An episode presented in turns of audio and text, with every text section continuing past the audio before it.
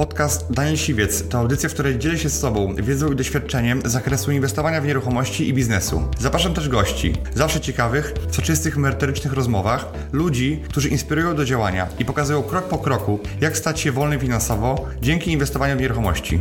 Posłuchaj ich historii, zastosuj modele działania, wykorzystuj narzędzia i uzyskuj podobne rezultaty.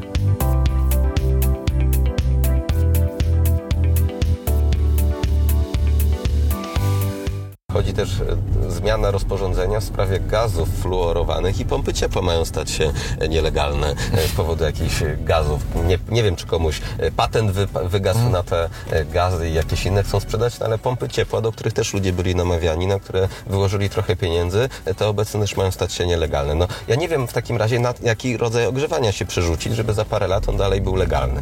Jak ktoś kupi sobie obligacje, ewentualnie wstawi pieniądze na lokatę, to i tak realnie przynosi, ma stratę. Tak. Straci wartość realna tych pieniędzy jest mniejsza, a od tych odsetek i tak musi zapłacić 19% podatku, który staje się tu podatkiem od straty, podatkiem od inflacji. Inflacja bierze się stąd, że mamy za dużo pieniędzy. Pieniądz się tworzy albo przez jego zwyczajny, prosty druk, albo przez udzielanie kredytów, przez akcję kredytową. Podejrzewam, że deweloperzy chcą sprzedać drożej mieszkania tym, którzy gorzej negocjują, tak? Młodzi ludzie mają przecież e, wydatki, muszą me- meble kupić, muszą remont zrobić, muszą, nie wiem, prowizję od kredytu zapłacić, muszą zapłacić prowizję dla pośrednika od nieruchomości. Jeszcze te 2% PCC. No, no po co? To jest najprostsza metoda na obniżenie cen mieszkań. Biznes Rider. Cześć, witajcie w nowym odcinku Business Ridera, a moim dzisiejszym gościem jest Sławomir Melcen. Piątka. E, Sławek jest politykiem, przedsiębiorcą, doradcą podatkowym, e, ale przede wszystkim jest osobą, która chce obniżyć w Polsce podatki. E, Mało jest takich osób i chciałem z Sławkiem porozmawiać na temat właśnie podatków, e, tego co się dzieje, bo się dzieje dużo e, obecnie. Jest wiele pomysłów, wiele kiełbas wyborczych, e, wiele rzeczy, m, które mogą być dla nas korzystne, ale mogą być też niekorzystne. No, na początku chciałem się zapytać Ciebie, co sądzisz o planach rządu. Oglądałem Twój wywiad, bodajże w sobotę, który miał mi- miejsce tam chyba parę dni wcześniej w Radiu Z i mówiłeś tam o tym, że m, dlaczego polski rząd, fiskus pobiera 2% podatku od, cywilno, cywil, od czynności cywilnoprawnych przy zakupie mieszkania. E, Natomiast e, ja dzień wcześniej widziałem na konferencji ministra e, Budy bodajże pomysł, żeby właśnie to PCT przy pierwszym mieszkaniu go nie było. I teraz kto był pierwszy? Ty czy, czy minister? Wydaje mi się, że ja o tym powiedziałem dzień przed tym, jak oni to ogłosili, natomiast mój pomysł jest bardziej radykalny, bo ja w ogóle postulowałem zniesienie PCC od zakupu mieszkań i domów, w ogóle od nieruchomości, a oni chcą tylko od pierwszego mieszkania, które się kiedykolwiek e, kupiło, więc mój pomysł jest znacznie dalej, dalej idący i wydaje mi się, że mój był pierwszy. Okej, no to jest podatek, który, który dosyć boli. E, Ja zapłaciłem go na setki tysięcy złotych te, tego podatku, natomiast wydaje mi się, że on i tak nie jest duży. Jak patrzę, jak jest w innych krajach, żeby kupić nieruchomość, na przykład w Hiszpanii, się płaci 10 albo nawet 12% niekiedy e, podatku od, od zakupu nieruchomości, więc można powiedzieć, że w Polsce i tak mamy dosyć ni- niski ten podatek. e, No tak, ale jeżeli mówimy, politycy mówią o tym, że dużym problemem jest to, że nieruchomości są niedostępne, że są za drogie, że ludzie chcieliby kupić mieszkania, ale ich nie stać, to po co jeszcze te 2% PCC im dokładać? Przecież to nie jest na nowe mieszkania, tylko to jest na rynku, mieszkania z rynku wtórnego, często jeszcze do remontu. No, młodzi ludzie mają przecież e, wydatki, muszą me- meble kupić, muszą remont zrobić, muszą, nie wiem, prowizję od kredytu zapłacić, muszą zapłacić prowizję dla pośrednika od nieruchomości jeszcze te 2% PCC. No, no po co? To jest najprostsza metoda na obniżenie cen mieszkań. Mhm. A widziałeś te inne zmiany, które- które, zaproponowali? Na przykład to, że ceny będą teraz, nieruchomości mają być transparentne przez deweloperów.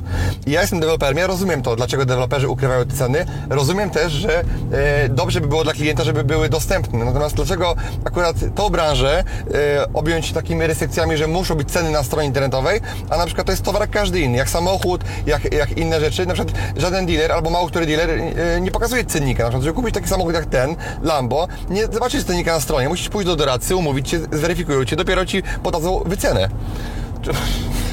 To oczywiście problemu nie rozwiąże. Wydaje mi się, że politycy raczej próbują teraz pokazać, że coś robią, że się Mhm. starają. No, że czy wyjdzie, czy nie, to nie wiadomo, ale chociaż pokażemy, że cokolwiek robimy, że próbujemy ludziom e, pomóc i stąd te pomysły. Okej, ale tam jeszcze mówili o tym, że ceny mają być transparentne, że notariusze mają e, wbijać w jakiś tam system, rejestr każdą transakcję po to właśnie, żeby, e, żeby ludzie widzieli w wersji online, tak samo księgi wieczyste, żeby widzieli po prostu jakie są ceny z wczoraj i tak dalej. Co sądzisz o tym pomyśle? Podejrzewam, że deweloperzy chcą sprzedać drożej mieszkania tym, którzy gorzej negocjują, tak? Mhm. I tak, taka jest myśl. Jeżeli ceny będą e, przejrzyste, no to każdy będzie widział, jaka jest cena transakcyjna i do ilu można zbić taką e, cenę, jaka jest cena rzeczywista. Więc rzeczywiście jest to regulacja, e, która przeszkodzi trochę Mhm. deweloperom.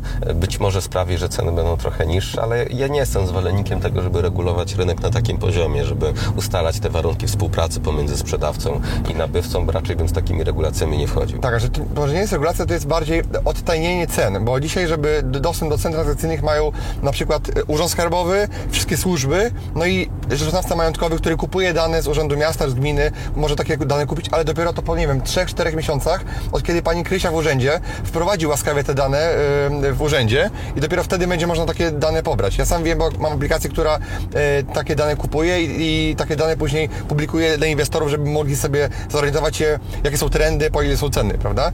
E, W innych krajach, tak jak nie wiem, w Dubaju, w Wielkiej Brytanii, te ceny są jawne, po prostu każdy może sobie zobaczyć, no i to jest tam w miarę okej, więc nie wiem, mi się wydaje, że e, no, deweloper się nie ukróci, bo deweloper, wiesz, kiedy pokazuje swoją cenę w urzędzie, dopiero dwa lata po wybudowaniu i sprzedaniu i przeniesieniu własności, czyli dopiero jak staje fakturę sprzedaży, przeniesie własność, dopiero wtedy z dużym opóźnieniem rynek widzi e, tą cenę.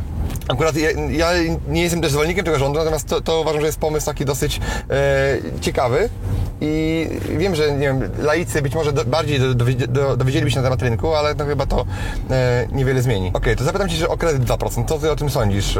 Bardzo zły pomysł. Jeszcze gorszy jest ten kredyt 0%, który Tusk zaproponował. Oni niestety się w tym momencie licytują na to, kto da więcej socjalu i kto bardziej podpompuje inflację. Przecież inflacja bierze się stąd, że mamy za dużo pieniędzy. Pieniądz się tworzy albo przez jego zwyczajny, prosty druk, albo przez udzielanie kredytów, przez akcję kredytową. Więc jedyn, jedyna rzecz, która bardziej napompuje inflację, poza kredytem darmowym, to jest wydrukowanie wprost pieniędzy. I słyszę polityków z PiSu czy z Platformy, którzy mówią, że oni chcą walczyć z inflacją, że jak tylko my dojdziemy do władzy, to inflacja zaraz spadnie, bo uruchomimy darmowe kredyty. To jest jakieś nieporozumienie. To jest po prostu napompowanie inflacji, żeby była jeszcze większa. Problem z nieruchomościami nie mamy od strony popytowej, tylko od strony podażowej. Regulacji jest za dużo, ograniczeń jest za dużo, biurokracji jest e, za dużo, tego męczenia się z pozwoleniami na budowę, na te wszystkie inne papiery, uregulowanie statusu prawnego różnych e, gruntów. Zresztą na tym się znasz dużo lepiej ode mnie. Doskonale wiesz, ile byłbyś w stanie taniej budować, gdyby nie te wszystkie zbędne przepisy. Więc problem jest od strony podażowej, nie od strony popytowej. Jeżeli się nie rozwiąże podaży, a napompuje się popyt, to po prostu ceny pójdą do góry i to będzie jedyny efekt. Mhm, No i na, na, wszystko na to wskazuje, tak, że e, deweloperzy dzisiaj muszą budować drożej, bo ustawa deweloperska do, dokłada dodatkowe koszty, które są przeniesione na klienta. Do- Więcej, więcej trzeba współczynniki cieplne e, uzyskiwać, coraz to mocniejsze. Nawet mój wykonawca, taki pan Józek, mówił mi, że buduje dla innego dewelopera domy i mówił, że e, ten sam dom, ten sam projekt został e, narysowany przez tego samego konstruktora i tam poszło, nie wiem, kilkadziesiąt procent więcej stali, ponieważ e, zmieniły się normy i ileś ton doszło więcej do budynku stali. Przy identycznej konstrukcji tak naprawdę to był ten sam projekt kopiuj w klej, tylko że w kolejnym roku był procedowany. A będzie jeszcze gorzej, wchodzi ta dyrektywa EPBD i będą nowe budynki musiały być zeroemisyjne i dopiero wtedy Wam skoczą koszty budowy. No właśnie, no to, to co, co sądzisz y, o tym? Bo y, w Anglii to już się dzieje. W Anglii jest y, ewidentnie, że nie można praktycznie handlować tymi nieruchomościami. Banki nie kredytują nieruchomości, które są nieocieplone, nie mają współczynnika tam minimum C czy, czy B i nie można ich wynajmować, więc jakby jest zmuszany inwestor do tego, żeby tak naprawdę zrobić rewitalizację. A u nas jeszcze nie wiadomo co będzie, ale jest ryzyko, że ludzie będą wywłaszczani, tak? Może nie tyle wywłaszczani, co eksmitowani, bo nie będzie ich stać na to, żeby zrobić ten przymusowy remont. Wymiana źródła ogrzewania, wymiana dachu, ocieplenie ścian, wymiana okien, drzwi, to nie są tanie rzeczy. Nie wyobrażam sobie tego, że emeryt ma dom i musi nagle zrobić gruntowny remont, bo to nie jest zwyczajna renowacja. I skąd on weźmie na to pieniądze z tej emerytury? Przecież go nie stać na to będzie, więc będą olbrzymie e, problemy. To będzie kosztowało mnóstwo pieniędzy. Problem jest taki, że ludzie tak naprawdę jeszcze o tym nie wiedzą. Mało kto o tym mówi w telewizji. w Mało kto się zastanawia na ten temat. Tak, y, a niestety dyrektywa po prostu wchodzi w życie, Unia Europejska nam to narzuci, potem polski rząd powie, że on to pewnie tego nie chciał, może i sprzeciwialiśmy się, ale nas przegłosowali. Guzik prawda, na samym początku mogli zrobić weto przy tylko wprowadzeniu tego Fit for 55. Jeżeli oni zgodzili się na kierunkową decyzję, idziemy za jakiś czas w kierunku zerowej emisyjności dwutlenku węgla, a do 30 roku obniżamy to o 55%, no to teraz te kolejne dyrektywy są prostą konsekwencją tego, na, co na samym początku się zgodzili, a co mogli zawetować. Mhm. No ale e, też rozmawiałem wczoraj z kolegami, przedsiębi- przedsiębiorcami i, rozmawialiśmy, że tak naprawdę kogo w ogóle chcą wyeliminować gaz. Nie, nie wiem, czy słyszałeś, jakby jako paliwo, e, paliwo do ogrzewania Tak. domów. I teraz e, przez cała Polska praktycznie gazem stoi. E, wiele nowoczesnych budynków, które powstały w ostatnim, nie wiem, roku, czy 10-20 latach jest na gaz, bo to było najtańsze, najbardziej dostępne paliwo. E, od teraz niedawno zaczynało robić pompy ciepła. I teraz natomiast cała wieś pali śmieciami tak naprawdę i tutaj żadne zakazy nie działają, e, mandaty.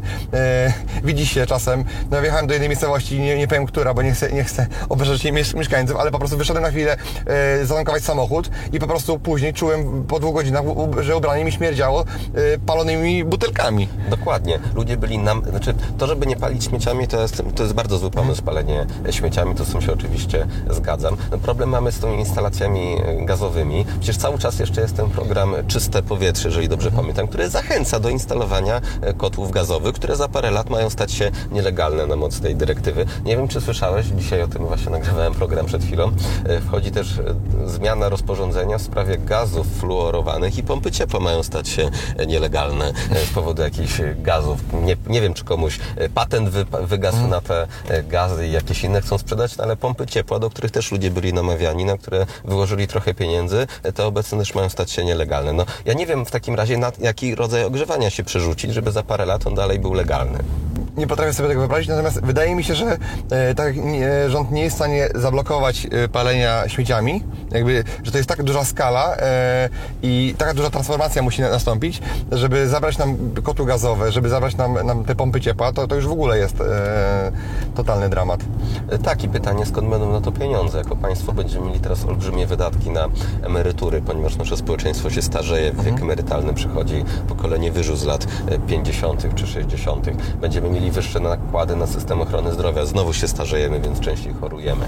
Wydatki na zbrojenia w sposób oczywisty muszą niestety pójść do góry. Na transformację energetyczną, te elektrownie jądrowe, na odejście do elektrowni węglowych, to też pochłonie masę pieniędzy i równocześnie musimy przygotowywać naszą sieć energetyczną do wszystkich samochodów elektrycznych, które też skądś muszą mieć prąd i jeszcze przymusowo remontować nasze domy i mieszkania. Ja nie wiem, z czego oni chcą to wszystko sfinansować.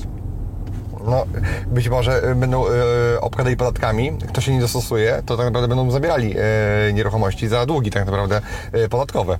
Wiadomo, że będą A potem- podnosić podatki, ale to ile te podatki będą wynosić, jak nasza gospodarka będzie opodatkowana, żeby to znieść. Ja naprawdę niestety przyszłość widzę w nie najlepszych barwach. Okej, to zapytam, bo jest teraz taki rajd, taki wyścig, kto da więcej, kto komu więcej obieca, prawda? Y, PiS obiecuje kredyt 2%, y, można powiedzieć, że dopłatę do, do kredytu, y, do, do rozwiązania wyboru o 2%. Y, Platforma obiecuje 0%, ym, natomiast ty, ty idziesz trochę pod prąd, idziesz trochę innym kierunku i mówisz wręcz, y, że skończmy to rozdawnictwo, nie, nie, nie rozdawajmy pieniędzy. Y, i czy nie uważasz, że y, pójście, by- bycie konsekwentnym w tym politycznie może być e, e, złą drogą, że tak naprawdę przez to e, zamiast się dostać, może się nie dostać e, do, do parlamentu, bo e, widać, że ludzie po prostu idą za tą kiełbasą wyborczą i te dwie ostatnie kadencje tego rządu pokazują, że ludzie się jednak dali sprzedać. Ale ja poszedłem do polityki po to, żeby coś zmienić, a nie po to, żeby robić dokładnie to, co e, wszyscy. Gdyby Mencen wprowadzał nowe świadczenia, to równie dobrze mógłby być tam Kaczyński albo Tusk. Nie chodzi o to, żeby robić to, co oni, tylko żeby zrobić coś innego. Ja wiem, że większość Polaków chciałaby dostawać kolejne zasiłki, dotacje czy socjale, ale to kompletnie mi nie o to chodzi. Chciałbym, żeby to zostało zatrzymane, więc nie tyle ob- obiecuję, że coś dam, tylko obiecuję, że nic nie dam, e, za to postaram się trochę mniej e, odebrać. Jeżeli komuś należą się pieniądze, to ludziom, którzy przez państwo zostali skrzywdzeni. To dzisiaj e, to ogłosiłem, że jeżeli uda się mieć kiedyś wpływ na rzeczywistość, to wypłacimy rekompensaty wszystkim ofiarom ulgi meldunkowej e, e, z tych lat 2007 Okay, a na, 2008 na, czym polega to, to, e, bycie ofiarą tej ulgi? Bo ja, ja pamiętam to zwolnienie podatkowe, że jeżeli jesteś zameldowany 12 miesięcy, to masz możliwość niepłacenia podatku od odpłatnego zbycia nieruchomości, tak? To była zysku. ulga, która przez dwa lata obowiązywała i rzeczywiście, jeżeli się było w tym mieszkaniu zameldowanym przez 12 miesięcy, można było nie zapłacić podatku od jego sprzedaży. Problem był taki, że nie wystarczyło być tam zameldowanym przez 12 miesięcy. Trzeba było jeszcze oświadczenie, że jest się tam zameldowanym przez 12 miesięcy, było zanieść do urzędu, o czym wiele osób nie wiedziało. Notariusze na przykład o tym nie wiedzieli, no podatnicy przede wszystkim o To tym było nie uregulowane w ustawie? Sz- Szczegółów nie pamiętam, czy to było w ustawie. Chyba, bo, chyba to było w ustawie, natomiast e, zdaje się, że 19 tysięcy ludzi musiało zapłacić ten podatek, którego nie powinni byli zapłacić, bo nie donieśli oświadczenia z informacją, o którą państwo i tak o nie wiedziało, bo państwo wie, kto gdzie jest zameldowany, więc gdzieś indziej w naszym systemie państwowym była ta informacja, a oni po prostu nie donieśli papierka i nagle są kilkadziesiąt tysięcy złotych w plecy. Uważam, że tym osobom należy się sprawiedliwość. Ulgi nie powinny być w ten sposób konstruowane, że są pułapką na podatnika. Okej. E, No właśnie, i teraz e, wiem, że ty, ty nie jesteś zwolennikiem jakby świadczeń mm, i teraz no nie boisz się, że mówiąc o tym, że chcesz zlikwidować 500 plus albo e, przestać dawać świadczenia, to, to, to będzie sytuacja, w której wiele osób powie, ok, ja dostaję dzisiaj, łatwo się daje pieniądze, ale ciężko się im zabiera, tak? Jeżeli się będziemy licytować na to, kto da więcej, to pójdziemy dokładnie drogą Grecji. Oni to zaczęli na początku lat 80. Pierwsza partia zaczęła dawać e, zasiłki, druga chciała wtedy ją przebić. Kto tego nie przebijał, to wypadał nagle z polityki, nie zdobyło większości. No i Grecy potem zbankrutowali. Liczę na to, że jest na tyle rozsądnych osób e, w Polsce, że uda nam się zrobić ten dwucyfrowy wynik i będziemy w stanie powstrzymać kolejne świadczenia, być może usunąć niektóre już istniejące. Biznes Rider. Mm, Widziałem e, ostatnio, czy ktoś mi mówił, że e, jakby w ostatnim rankingu masz bardzo e, dobre poparcie w pewnej grupie e, wiekowej. Musisz powiedzieć jakby, jak to teraz wygląda, bo szukałem, ale nie widziałem żadnych słupków, widziałem artykuły, które to opisują, były długie, e, więc gdybyś mógł mi powiedzieć e, jakby, jak to teraz wygląda. Mamy wysokie, w zależności od badania, 30-40% poparcie wśród osób do 39 roku życia, szczególnie młodych mężczyzn. Są to ludzie, którzy właśnie chcie, nie chcieliby żyć na koszt państwa, chcieliby sami się utrzymywać, chcieliby sami na siebie zarabiać, tylko chcieliby, żeby państwo ich nie łupiło.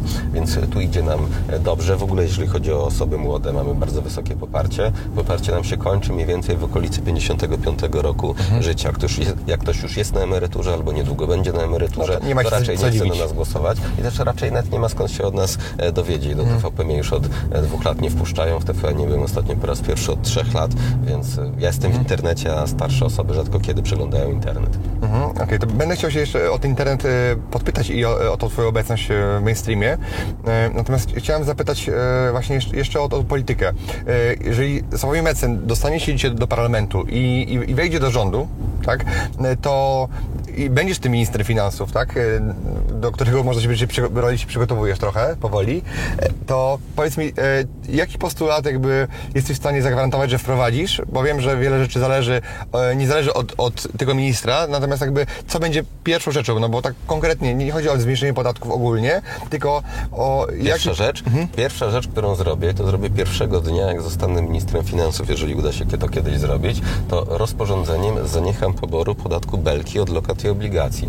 Bo minister finansów na mocy ordynacji podatkowej w sytuacji ważnej dla finansów publicznych lub dla podatnika może zaniechać poboru jakiegoś podatku rozporządzeniem, nawet ustawy nie trzeba zmieniać. No i teraz mamy taką sytuację, że inflacja wynosi wcześniej 18, teraz 16%. Lokaty są na 6-7% w zależności od banku. W związku z czym jak ktoś kupi sobie obligacje, ewentualnie wstawi pieniądze na lokaty, to i tak realnie przynosi, ma stratę. Tak. Straci. Wartość realna tych pieniędzy jest mniejsza, a od tych odsetek i tak musi zapłacić 19% podatku, który staje się tu podatkiem od straty, podatkiem od inflacji. Uważam to za niegodziwe przy tak wysokiej inflacji pobierać podatek belki od oszczędności. Minister finansów może to znieść rozporządzeniem. Potem oczywiście trzeba by to przeprowadzić przez Sejm, żeby w ogóle z ustawy wywalić ten podatek, ale już pierwszego dnia rozporządzenie można zaniechać. E, Kolejna rzecz, ja też o tym mówiłem, to te PCC od e, mieszkań, tak żeby go e, nie było. Wykorzy- też z rzeczy, które już ogłosiłem, nie chcę tutaj za bardzo spoilerować, to przywrócenie z zasady, że że wątpliwości są rozstrzygane na korzyść podatnika.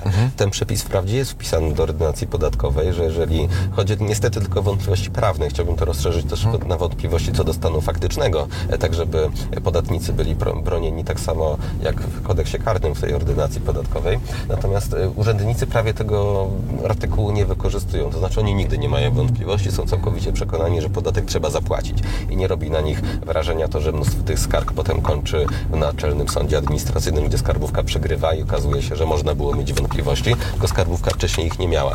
Więc uważam, że jeżeli urzędnicy nie mają wątpliwości i źle rozumieją przepis, to są złymi urzędnikami, należy ich wywalać z pracy, znaleźć takich, którzy rozumieją I przepis. powinni za to zapłacić, tak? I jakby e, odpowiedzialność powinna być tak naprawdę, że jeżeli urzędnik podjął decyzję jakby, i się trzyma swojej, e, swojej decyzji i wydał jakiś zły wyrok, albo nie wiem, wydał decyzję, która e, spowodowała, że ja czy ty straciłeś, to powinien zapłacić jakby z własnych pieniędzy za to. Tak, to jest kolejny przynajmniej przepis, który się nie przyjął. Mamy przepisy o odpowiedzialności urzędników za swoje błędy, ale jakoś w praktyce znowu nie są stosowane. Tak się dziwnie składa. No dobrze, a z takich większych reform, no bo nie uważasz, że jest ta strona, e, znaczy ustawa o VAT jest napisana w trudny sposób, odnosi się do, do, do wielu różnych e, źródeł, ciężko się po niej poruszać, e, jest duża, jest, e, czy nie lepiej było ją wyrzucić do kosza, czy podpalić i wprowadzić proste zasady, od nowa je na- napisać? Na ten... Ale już mamy bardzo zaawansowane prace nad zupełnie nową ustawą o VAT, która jest wzorowana na estońskiej ustawie o VAT. Polska ustawa ma jakieś 370 stron, a ta estońska 60. Tam czcionka jest trochę mniejsza, więc wyszłoby pewnie więcej niż 60, ale jest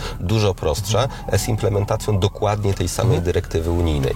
Polskiej ustawy o VAT w zasadzie się nie da czytać, nawet jak ktoś jest prawnikiem, to i tak nie ma najmniejszych szans, żeby ją zrozumieć. Jest napisana zupełnie bez sensu, ma mnóstwo zbędnych rzeczy, więc pracujemy nad taką prostą ustawą o VAT, która będzie miała preambułę, taką instrukcję, jak w ogóle ją czytać. Potem będzie miała prostą część ogólną, która załatwia zdecydowanie dużo e, najwięcej spraw i dopiero potem będzie część szczegółowa, ale całość dalej będzie dużo, dużo krótsza niż to, co mamy teraz. Więc planuję zupełnie zmienić ustawę o VAT oraz zupełnie zmienić ustawę o PIT.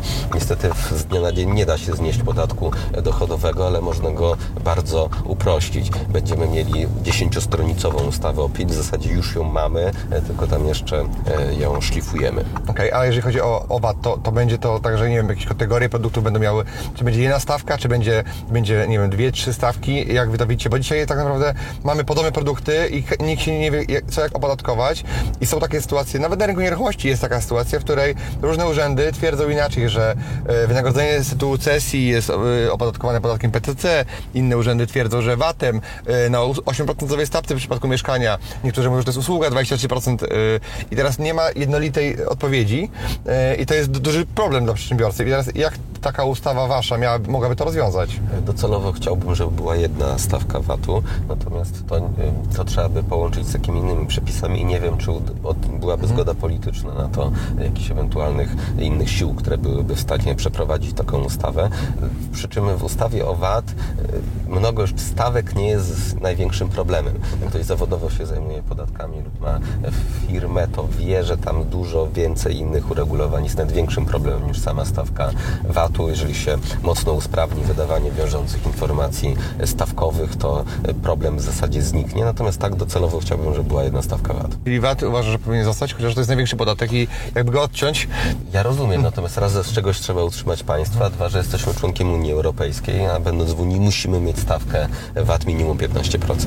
Okej, a jeżeli chodzi o, no, o kwestię polityczną, tak? Bo e, mi- miałeś też postulaty, jakby teraz trochę ci wyciągnęli to piątkę, e, piątkę To mecena. nie były moje postulaty. Okej, ale jakby ty ogłosiłeś, prawda? Ja, ja je też widziałem i teraz e, zrobił się du duży e, szum medialny na temat tej piątki.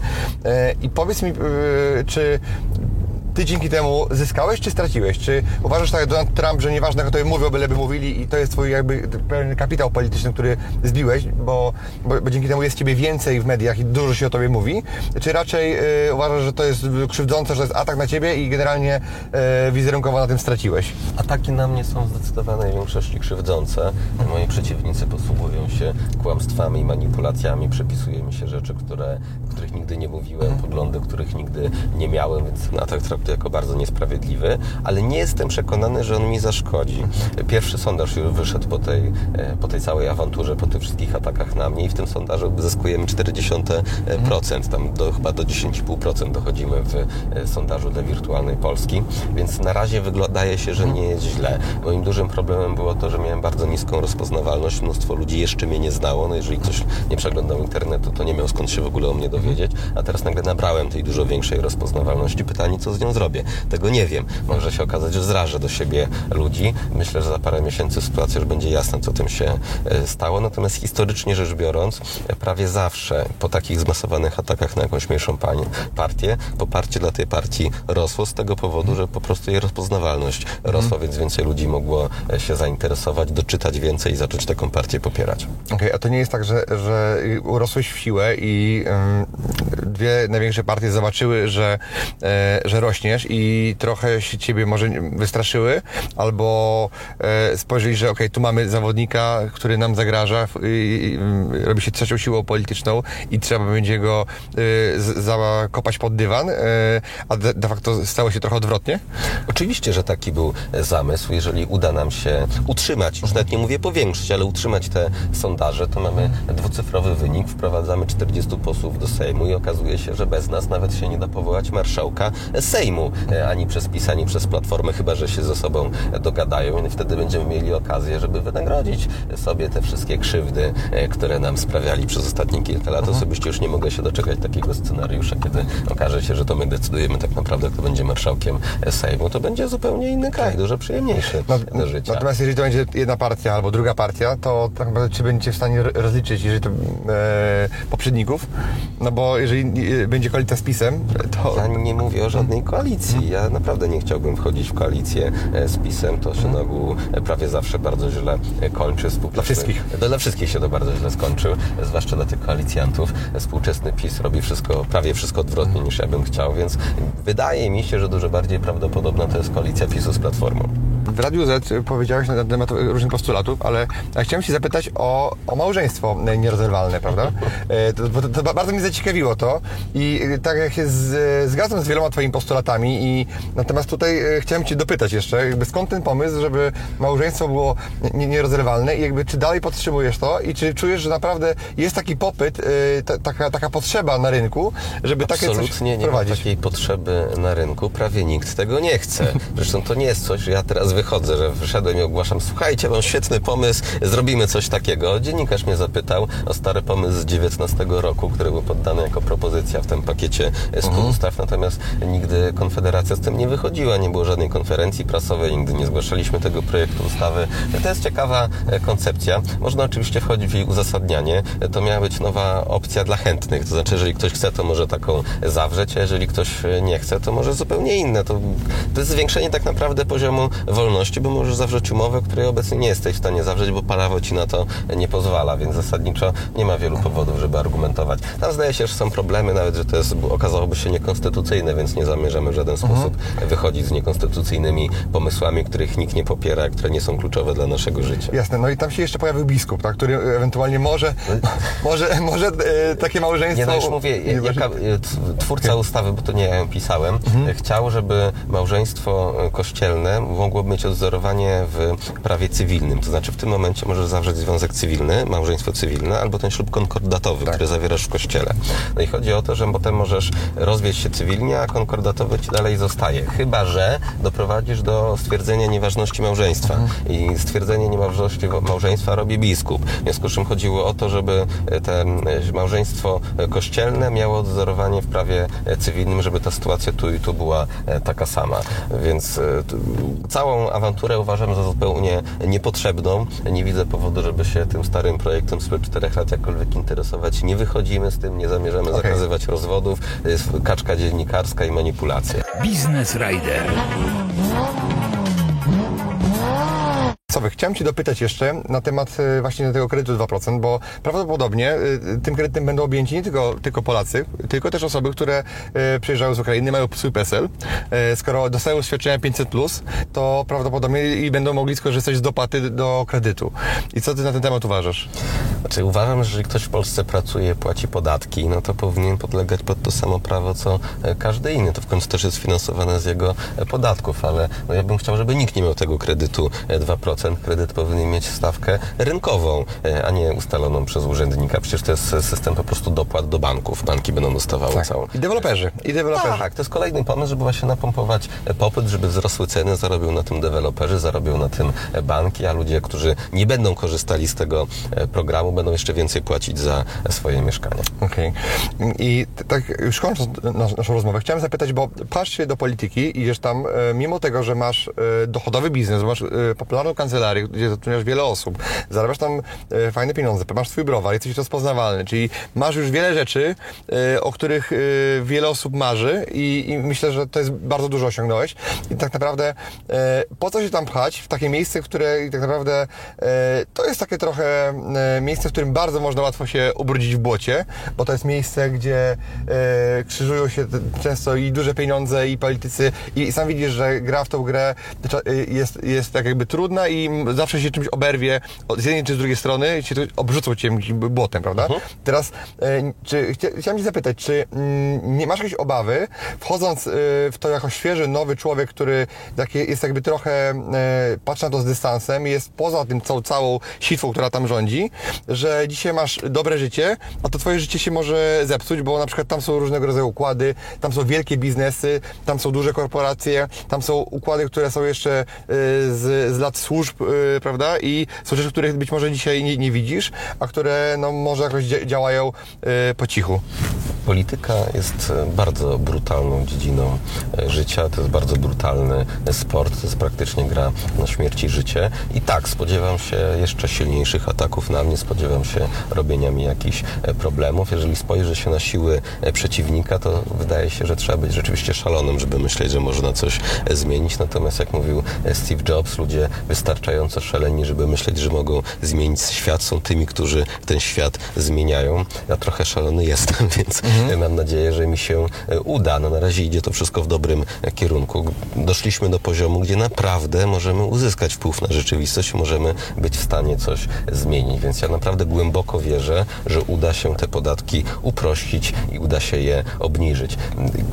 Tak, to jest bardzo często nieprzyjemne, to jest bardzo często ryzykowne, mówię o zaangażowaniu się w politykę, no ale jeżeli ja tego nie będę robił, to kto, kto się ujmie tutaj za niskimi e, podatkami? W zasadzie nikt już nie został, wszystkie partie zaczęły mówić tylko o podwyższaniu, znaczy nie mówią o podwyższaniu podatków, mówią o podwyższaniu wydatków, Tak. za czym się oczywiście wiąże podnoszenie podatków, o czym nie mówią. Ostatnio byłem w studio w TVN-u w kawie na ławie i wszyscy poza mną się opowiedzieli, że trzeba waloryzować i podwyższyć 500 plus. Jako jedyny powiedziałem, że nie, nie trzeba wcale waloryzować 500 plus, więc gdyby mnie tam nie było, to nikt by nie twierdził, że to jest zły pomysł, więc zostaliśmy tutaj ostatni na placu boju w walce o niskie i proste podatki. No i nie możemy się wycofać, bo już nikt nie będzie wtedy o to walczył. Ja cały czas wierzę, że uda się to przeprowadzić. A nie wiem, być może rodzina, znajomi mówią ci, Sławek, po co ci to? E, to jest tylko stres, nerwy, jeszcze, wiesz, e, no bo praca w takim dużym stresie, e, kiedy obrzucają cię błotem, jest naprawdę czasami rujnująca i